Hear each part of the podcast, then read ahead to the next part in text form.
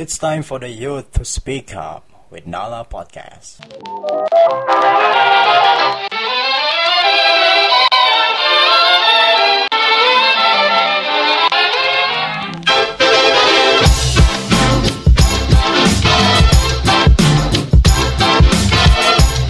Halo, balik lagi bareng saya Fauzan. Kali ini saya nggak sendirian.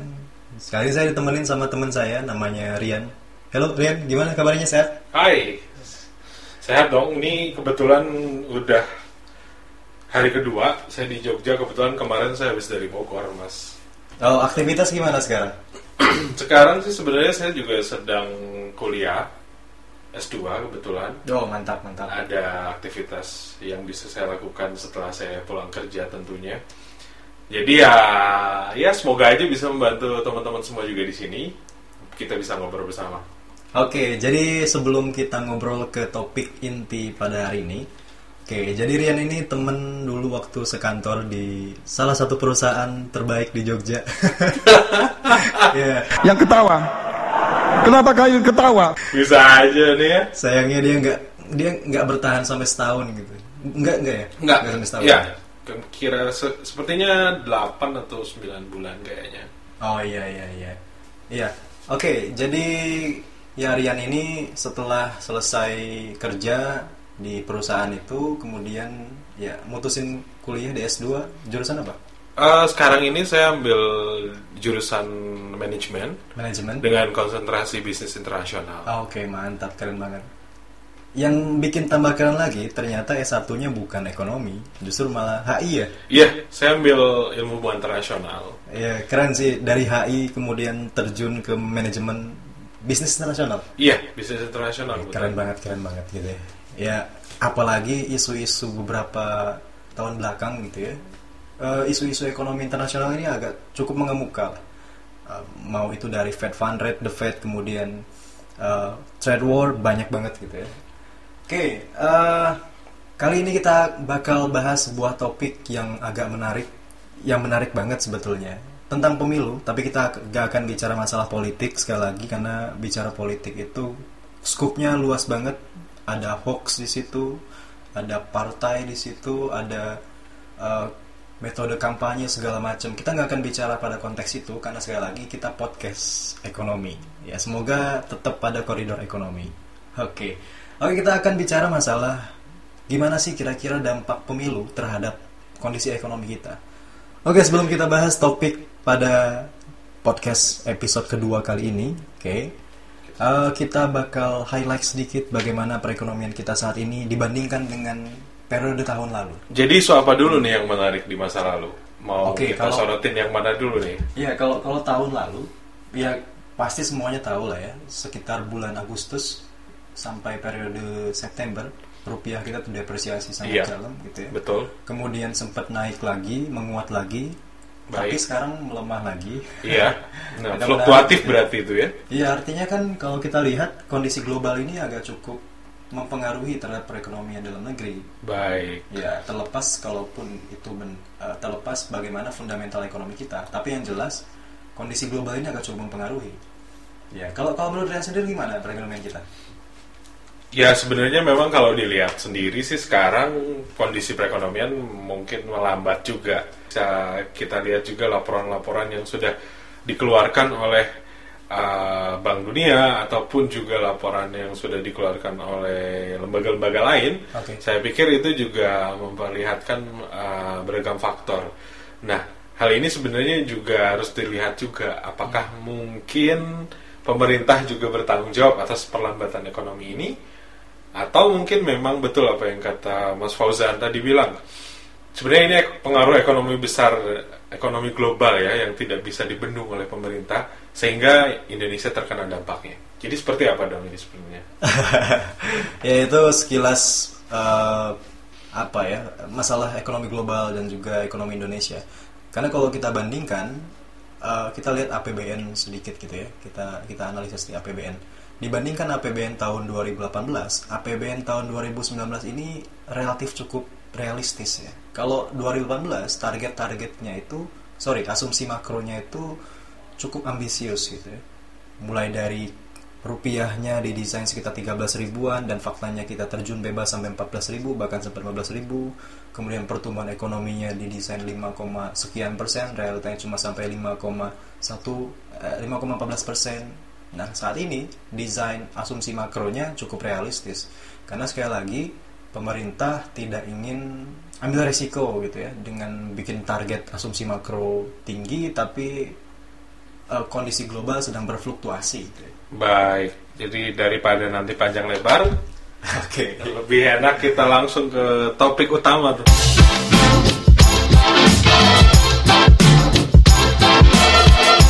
Oke, ini menarik Apa, banget isu kita yang akan kita bahas pada hari ini. Masalah pemilu gitu ya. Oke, orang sekali sering kali orang sering kali luput pada perspektif ini gitu ya, perspektif ekonomi dalam urusan pemilu.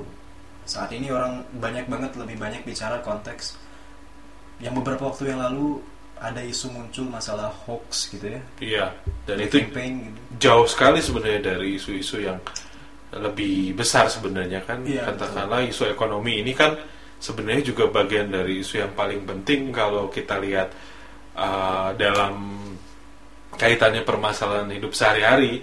Nah sayangnya kan sebenarnya juga kita merindukan gitu debat-debat uh, yang berkaitan dengan ekonomi tentunya Iya, karena kalau kita lihat beberapa waktu lalu uh, debat-debat yang hadir di TV itu se- seolah hanya sedikit sekali kan kalau dilihat isu ekonomi yang diangkat.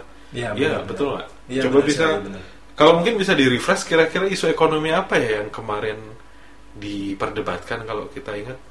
Ah, sebetulnya memang isu yang diangkat tidak terlalu banyak. Nggak nggak terlalu banyak sebenarnya di debat-debat capres eh, yang khusus berbicarakan ekonomi. Ya, yang salah satu yang paling di highlight kan kemarin yang mendapat banyak sorotan juga masalah unicorn.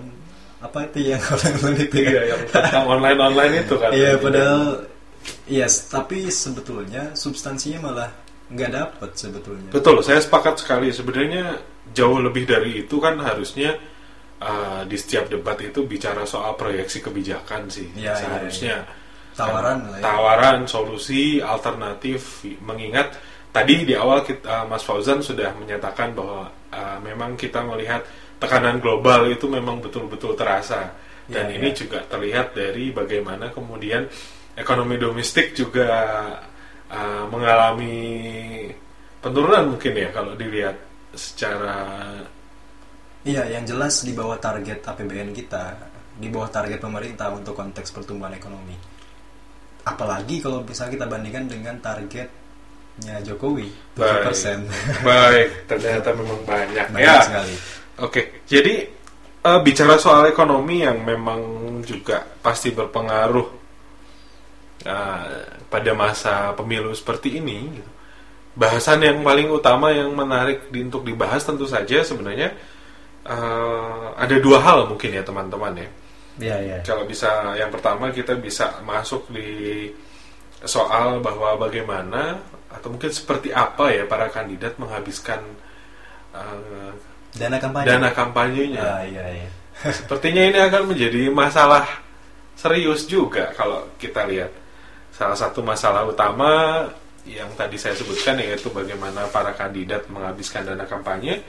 Tapi di sisi lain yang cukup eh, unik juga ketika dana kampanye ini dihabiskan tentu ini akan juga berpengaruh pada sektor bisnis Iya, iya, iya. dan tentu ini akan uh, kemudian uh, menopang usaha-usaha yang hadir di sana gitu loh. Iya, iya. Jadi Secara untuk- umum terhadap ekonomi nasional seperti apa? Baik, makanya untuk itu mari kita diskusikan atau mungkin lebih kita obrolkan uh, lebih lanjut karena memang dengan diobrolkan ini kan jadi seru juga. Iya, iya. Sehingga jadi mari kita mulai dari mana dulu ini, Mas Fauzan enaknya ini. Iya, kita coba analisa sedikit. Kira-kira dampak pemilu itu sendiri bagi ekonomi itu apa? Buat teman-teman yang udah pernah belajar makroekonomi barangkali, Mas Rian udah pernah belajar makro? Ya Masuk. sedikit mungkin ya. sedikit ya. Tapi nggak tahu nih, saya kemarin masuk enggak ya? Iya, iya, iya, wajar-wajar. Ya, buat teman-teman yang udah belajar makro, pasti tahu tentang eh, bagaimana cara menghitung pendapatan nasional atau PDB. gitu ya.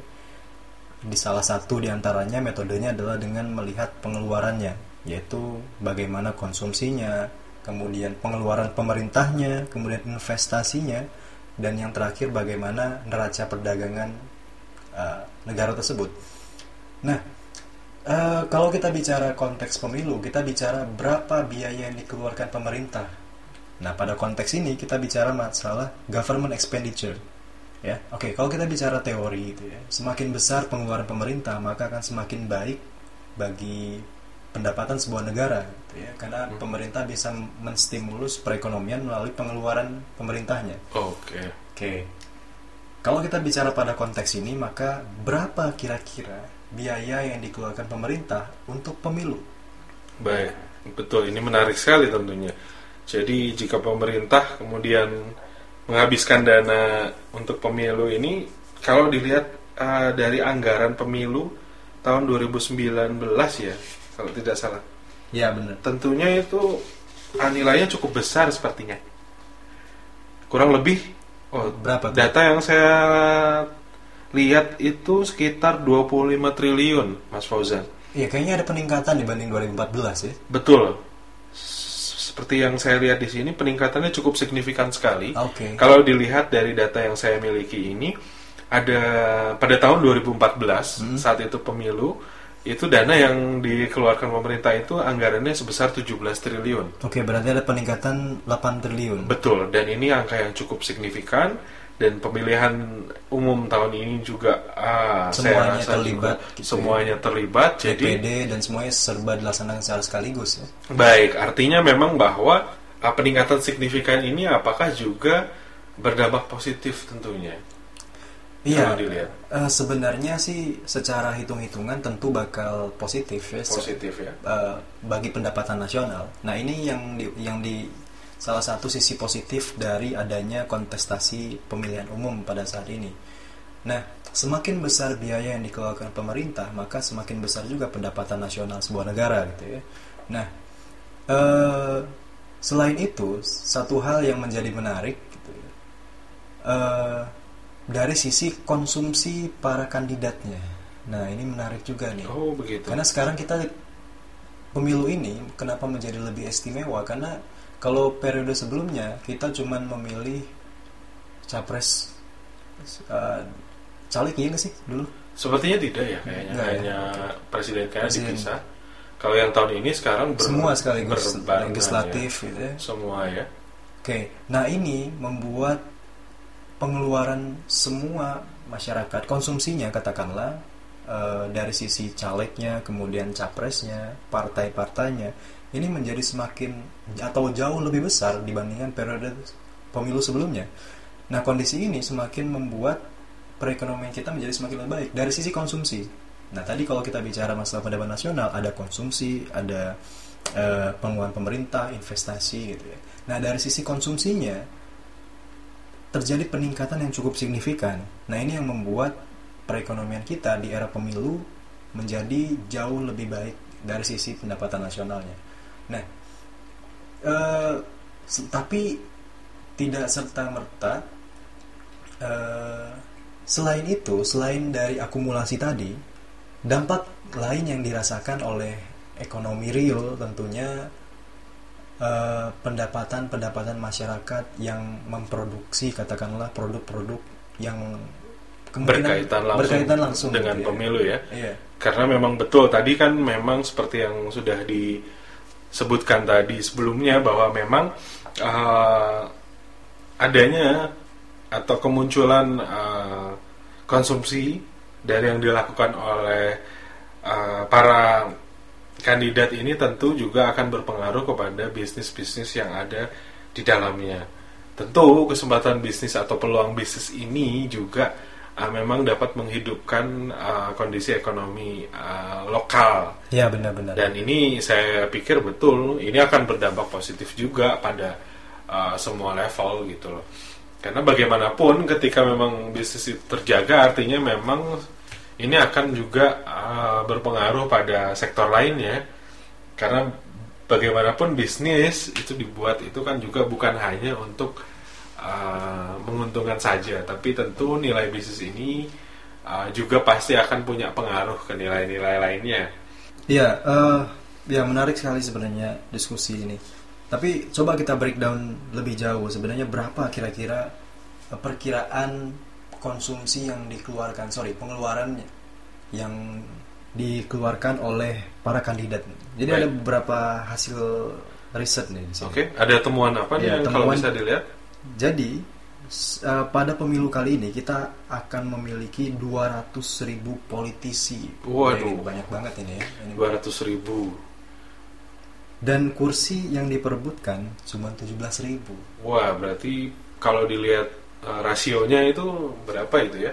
Nggak sampai sampai 10 persen nggak sih? Nggak sampai 10 persen kan? Enggak kayaknya ya. 20 ribu. Sepertinya enggak ya. Iya, 17 ribu dengan 200 ribu. Sepertinya tidak. Jadi mungkin ini memang uh, setiap kandidat ini pasti itu mengeluarkan dana yang cukup besar juga tentunya. Iya dan ya ini menarik gitu ya. Perbandingannya ini kan kecil banget. Gitu. Rasionya kecil sekali, kecil banget gitu. Dan mereka mempertaruhkan uangnya banyak banget untuk sebuah perbandingan atau probabilitas yang sangat kecil. Betul. Dan ini memang fenomena fenomena-fenomena yang kadang mungkin susah juga kalau ditelisir Iya. secara uh, riset yang mungkin harus mendalam juga ya gitu. Iya, Karena ya betul kalau dilihat uh, rasionya kecil seperti itu tapi Tapi masih banyak. masih banyak yang berminat untuk jadi anggota yang terhormat melenggang ke Senayan itu Ya, ya. ya semoga sih bukan karena faktor transaksional sih ya. Kalau Iya. diukur, kalau dilihat dari kalau misalkan tujuan mereka cuma buat memperkaya gitu ya, ya ya ya, ya makin rugi lah negara kita Betul. kan. Potensi kekayaan kita akan banyak banget yang dikorupsi lagi. Baik. Oke. Nah di sini beberapa penelitian menemukan bahwa memperkirakan sebenarnya bahwa total konsumsi sorry pengeluaran dari para caleg ini dan semua kandidat-kandidat kontestasi pem- pemilu ini Mhm. itu ada pada kisaran 100 triliun banyak Wah. banget Ini 10% jadi dari jumlah APBN 10% dari APBN ya. iya banyak banget Dan ini total keseluruhan yang atas hitungan tadi sekitar berapa kandidat itu rupanya ya? Ya, tadi 200 ribu kandidat politisi itu bersaing buat mendapatkan 17 ribu kursi di DPRD. Nah, terus dengan, dengan asum dengan kemungkinan ya kemungkinan pengeluaran tadi ya total semuanya Total gitu ya semuanya. 100 triliun. 100 triliun bukan angka yang sedikit tentunya Pasti, ya, itu. pasti, pasti.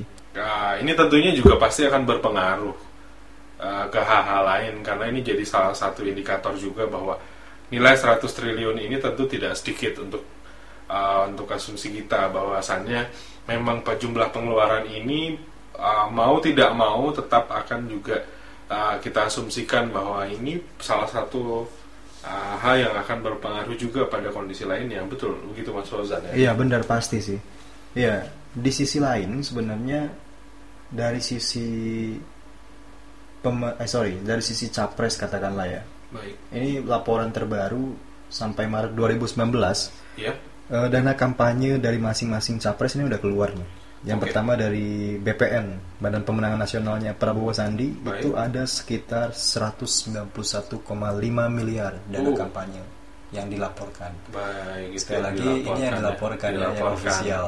Tentu di belakang pasti banyak sekali yang dikeluarkan dan itu mungkin bisa saja tidak tercatat di KPU. Oh, jadi ada kemungkinan ya, ya. segala kemungkinan pasti ada apalagi ini kan KPU tidak bisa nggak bisa mantau secara langsung di lapangan nah dari sisi incumbent ternyata dana kampanyenya itu sekitar 130,45 miliar lebih kecil sedikit ya tapi ya masih sama lah ya oke nah ini dari sisi konsumsinya. Secara keseluruhan bagi ekonomi tentu ini baik. Baik. kalau misalkan dilihat dari sisi pengeluaran. Pengeluarannya, karena ini bagian dari konsumsi tadi ya. iya benar. Baik. tapi sebenarnya analisa untuk pemilu ini nggak cukup dari sisi itu aja. Kita harus melihat bagaimana investor Oh, melihat proses kontestasi politik ini bagi kelangsungan investasi mereka di Indonesia. Baik, tentu saja betul. Nah Betul. kalau gini kalau misalkan ya bayangin lah misalkan Mas Rian sebagai investor gitu ya Iya. terus eh, ngelihat negara yang mau diinvest ternyata lagi kontestasi politik kira-kira gimana Ya tentu saja yang pertama harus jadi pertimbangan kan Hmm. sebenarnya ya bagaimanapun uh, investor datang ke Indonesia itu tentu Ya, ya. Uh, harus mengasumsikan bahwa kondisi perekonomiannya stabil terlebih dahulu. benar-benar. Itu asumsi yang kayaknya mutlak untuk setiap negara. Makanya kenapa uh, setiap negara itu kan sepertinya jika saya tidak ingat, jika tidak salah lupa juga itu kan. Tidak. Tidak salah lupa itu uh, masing-masing negara itu selalu dilabeli. Ya ya punya label tersendiri bagaimana negara ini layak uh, untuk investasi atau tidak dan rasanya ini yang menjadi uh, satu satu titik awal juga bahwa memang jika Indonesia kemudian nanti uh, layak untuk uh, dijadikan tempat berinvestasi ya tentu ini menjadi berita baik juga gitu loh. Nah pemilu ini memang kalau saya lihat dan baca di beberapa artikel uh, berita yang baik dalam ataupun luar negeri memang mendapat sorotan. Hmm. Saya pikir tentu apa tuh kira-kira kenapa? Kira-kira apa aja sorotannya Sorotan yang pertama tentu bagaimana kemudian ketika uh, ke depan pemilu ini uh, dipegang oleh uh, artinya kemenangan presiden ini dipegang oleh pihak incumbent.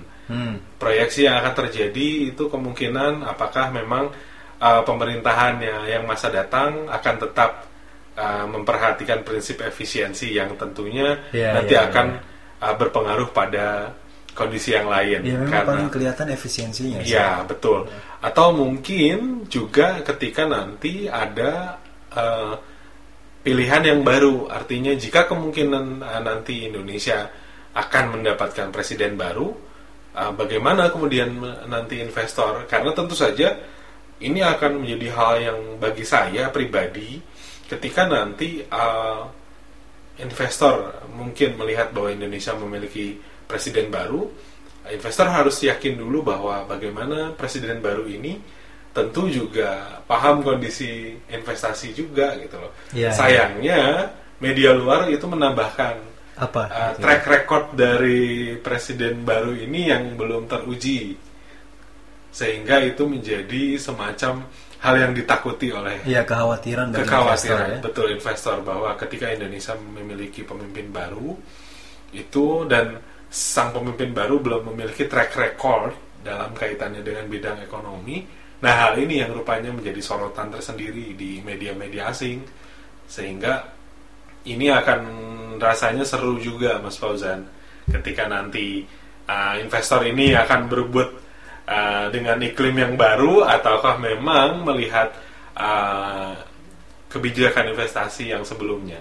Saya kira itu akan semakin menarik ketika nanti akan kita obrolkan lebih dalam lagi, Mas. Ya, yang jelas investor bak- akan memilih untuk wait and see dulu sebelum Betul. masuk berinvestasi ya. Karena sekali lagi kalau teman-teman lihat ketika terjadi perpindahan eh, apa ya eh, pemerintahan dari satu pemerintahan kemudian ke pemerintahan yang lain, apalagi yang kedua-duanya berbeda secara signifikan, terjadi eh, perubahan atau katakanlah ada beberapa kebijakan yang kemudian entah itu dilanjutkan atau bahkan dirubah atau bahkan dihapus gitu ya dan ini tentu akan menjadi satu hal yang dipertimbangkan sekali oleh investor untuk mau berinvestasi katakanlah seperti ini Eh, di zaman SBY gitu ya, kalau teman-teman masih ingat gitu, ada Baik. namanya MP3I Oh iya. Iya, Master ada Plan. Percepatan Pembangunan Perluasan Betul. Indonesia Betul. ini kan bagus banget sebetulnya Sebetulnya Ya, bagus sekali. betul sekali tetapi sekali lagi presiden yang baru pada saat itu Jokowi tentu punya Grand design. grand design tersendiri dan akhirnya mau tidak mau ada beberapa atau sebagian dari MP3I ternyata tidak bisa dilaksanakan. Betul sekali. Nah, ini kan tentu menjadi kekhawatiran bagi investor.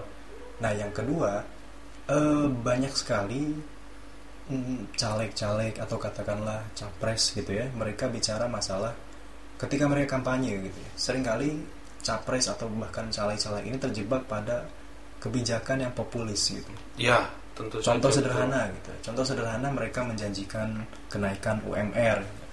Nah, kenaikan UMR ini kan ketika pada akhirnya diputuskan atau sebelum diputuskan harus melalui rapat-rapat yang cukup panjang bagaimana dari sisi permintaannya katakanlah perusahaannya sepakat atau tidak gitu. Nah, salah satu kritikan dari ekonomis kemarin, Baik, nah ini menarik gitu. Ekonomis ternyata meng- meng-highlight juga bagaimana Iya. perekonomian dari Jokowi. betul. Ternyata banyak sekali kepala daerah yang terjebak pada kebijakan populis Betul.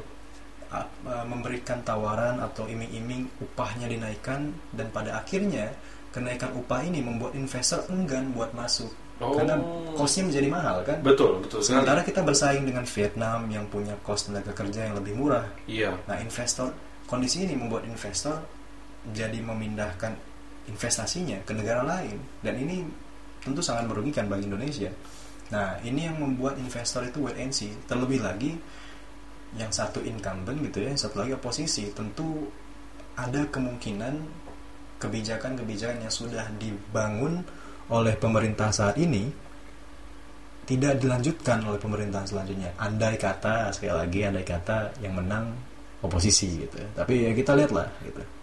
Iya, sebenarnya masih banyak sekali, masih banyak banget analisa yang berkaitan dengan ah, pemilu gitu ya. Kayaknya kalau dilanjutkan ini bisa sejam, tapi sekali lagi karena ini podcast baru. kalau dibuat sejam, saya yakin pasti nggak ada yang dengerin. ada yang dengerin. Paling dengerin cuman openingnya doang gitu. Jadi ya kita buat singkat-singkat dulu aja gitu ya. Karena sekali lagi eh, podcast ini meskipun sebetulnya podcast ini bukan dibuat supaya banyak yang dengerin gitu ya. Terserah mau ada yang dengerin atau enggak silahkan lah. Ini cuman kita punya keresahan dan kayaknya butuh alternatif lain selain tulisan buat di share gitu ya.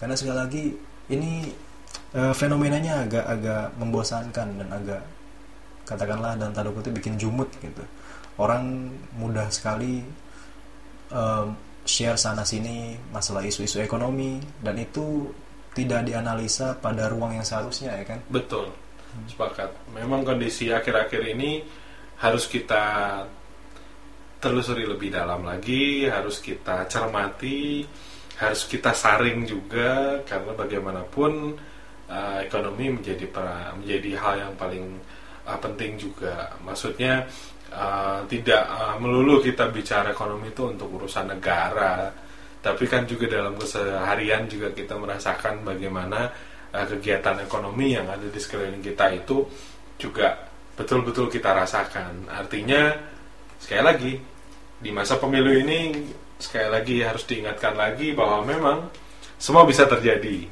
semua bisa uh, kemungkinan selalu ada.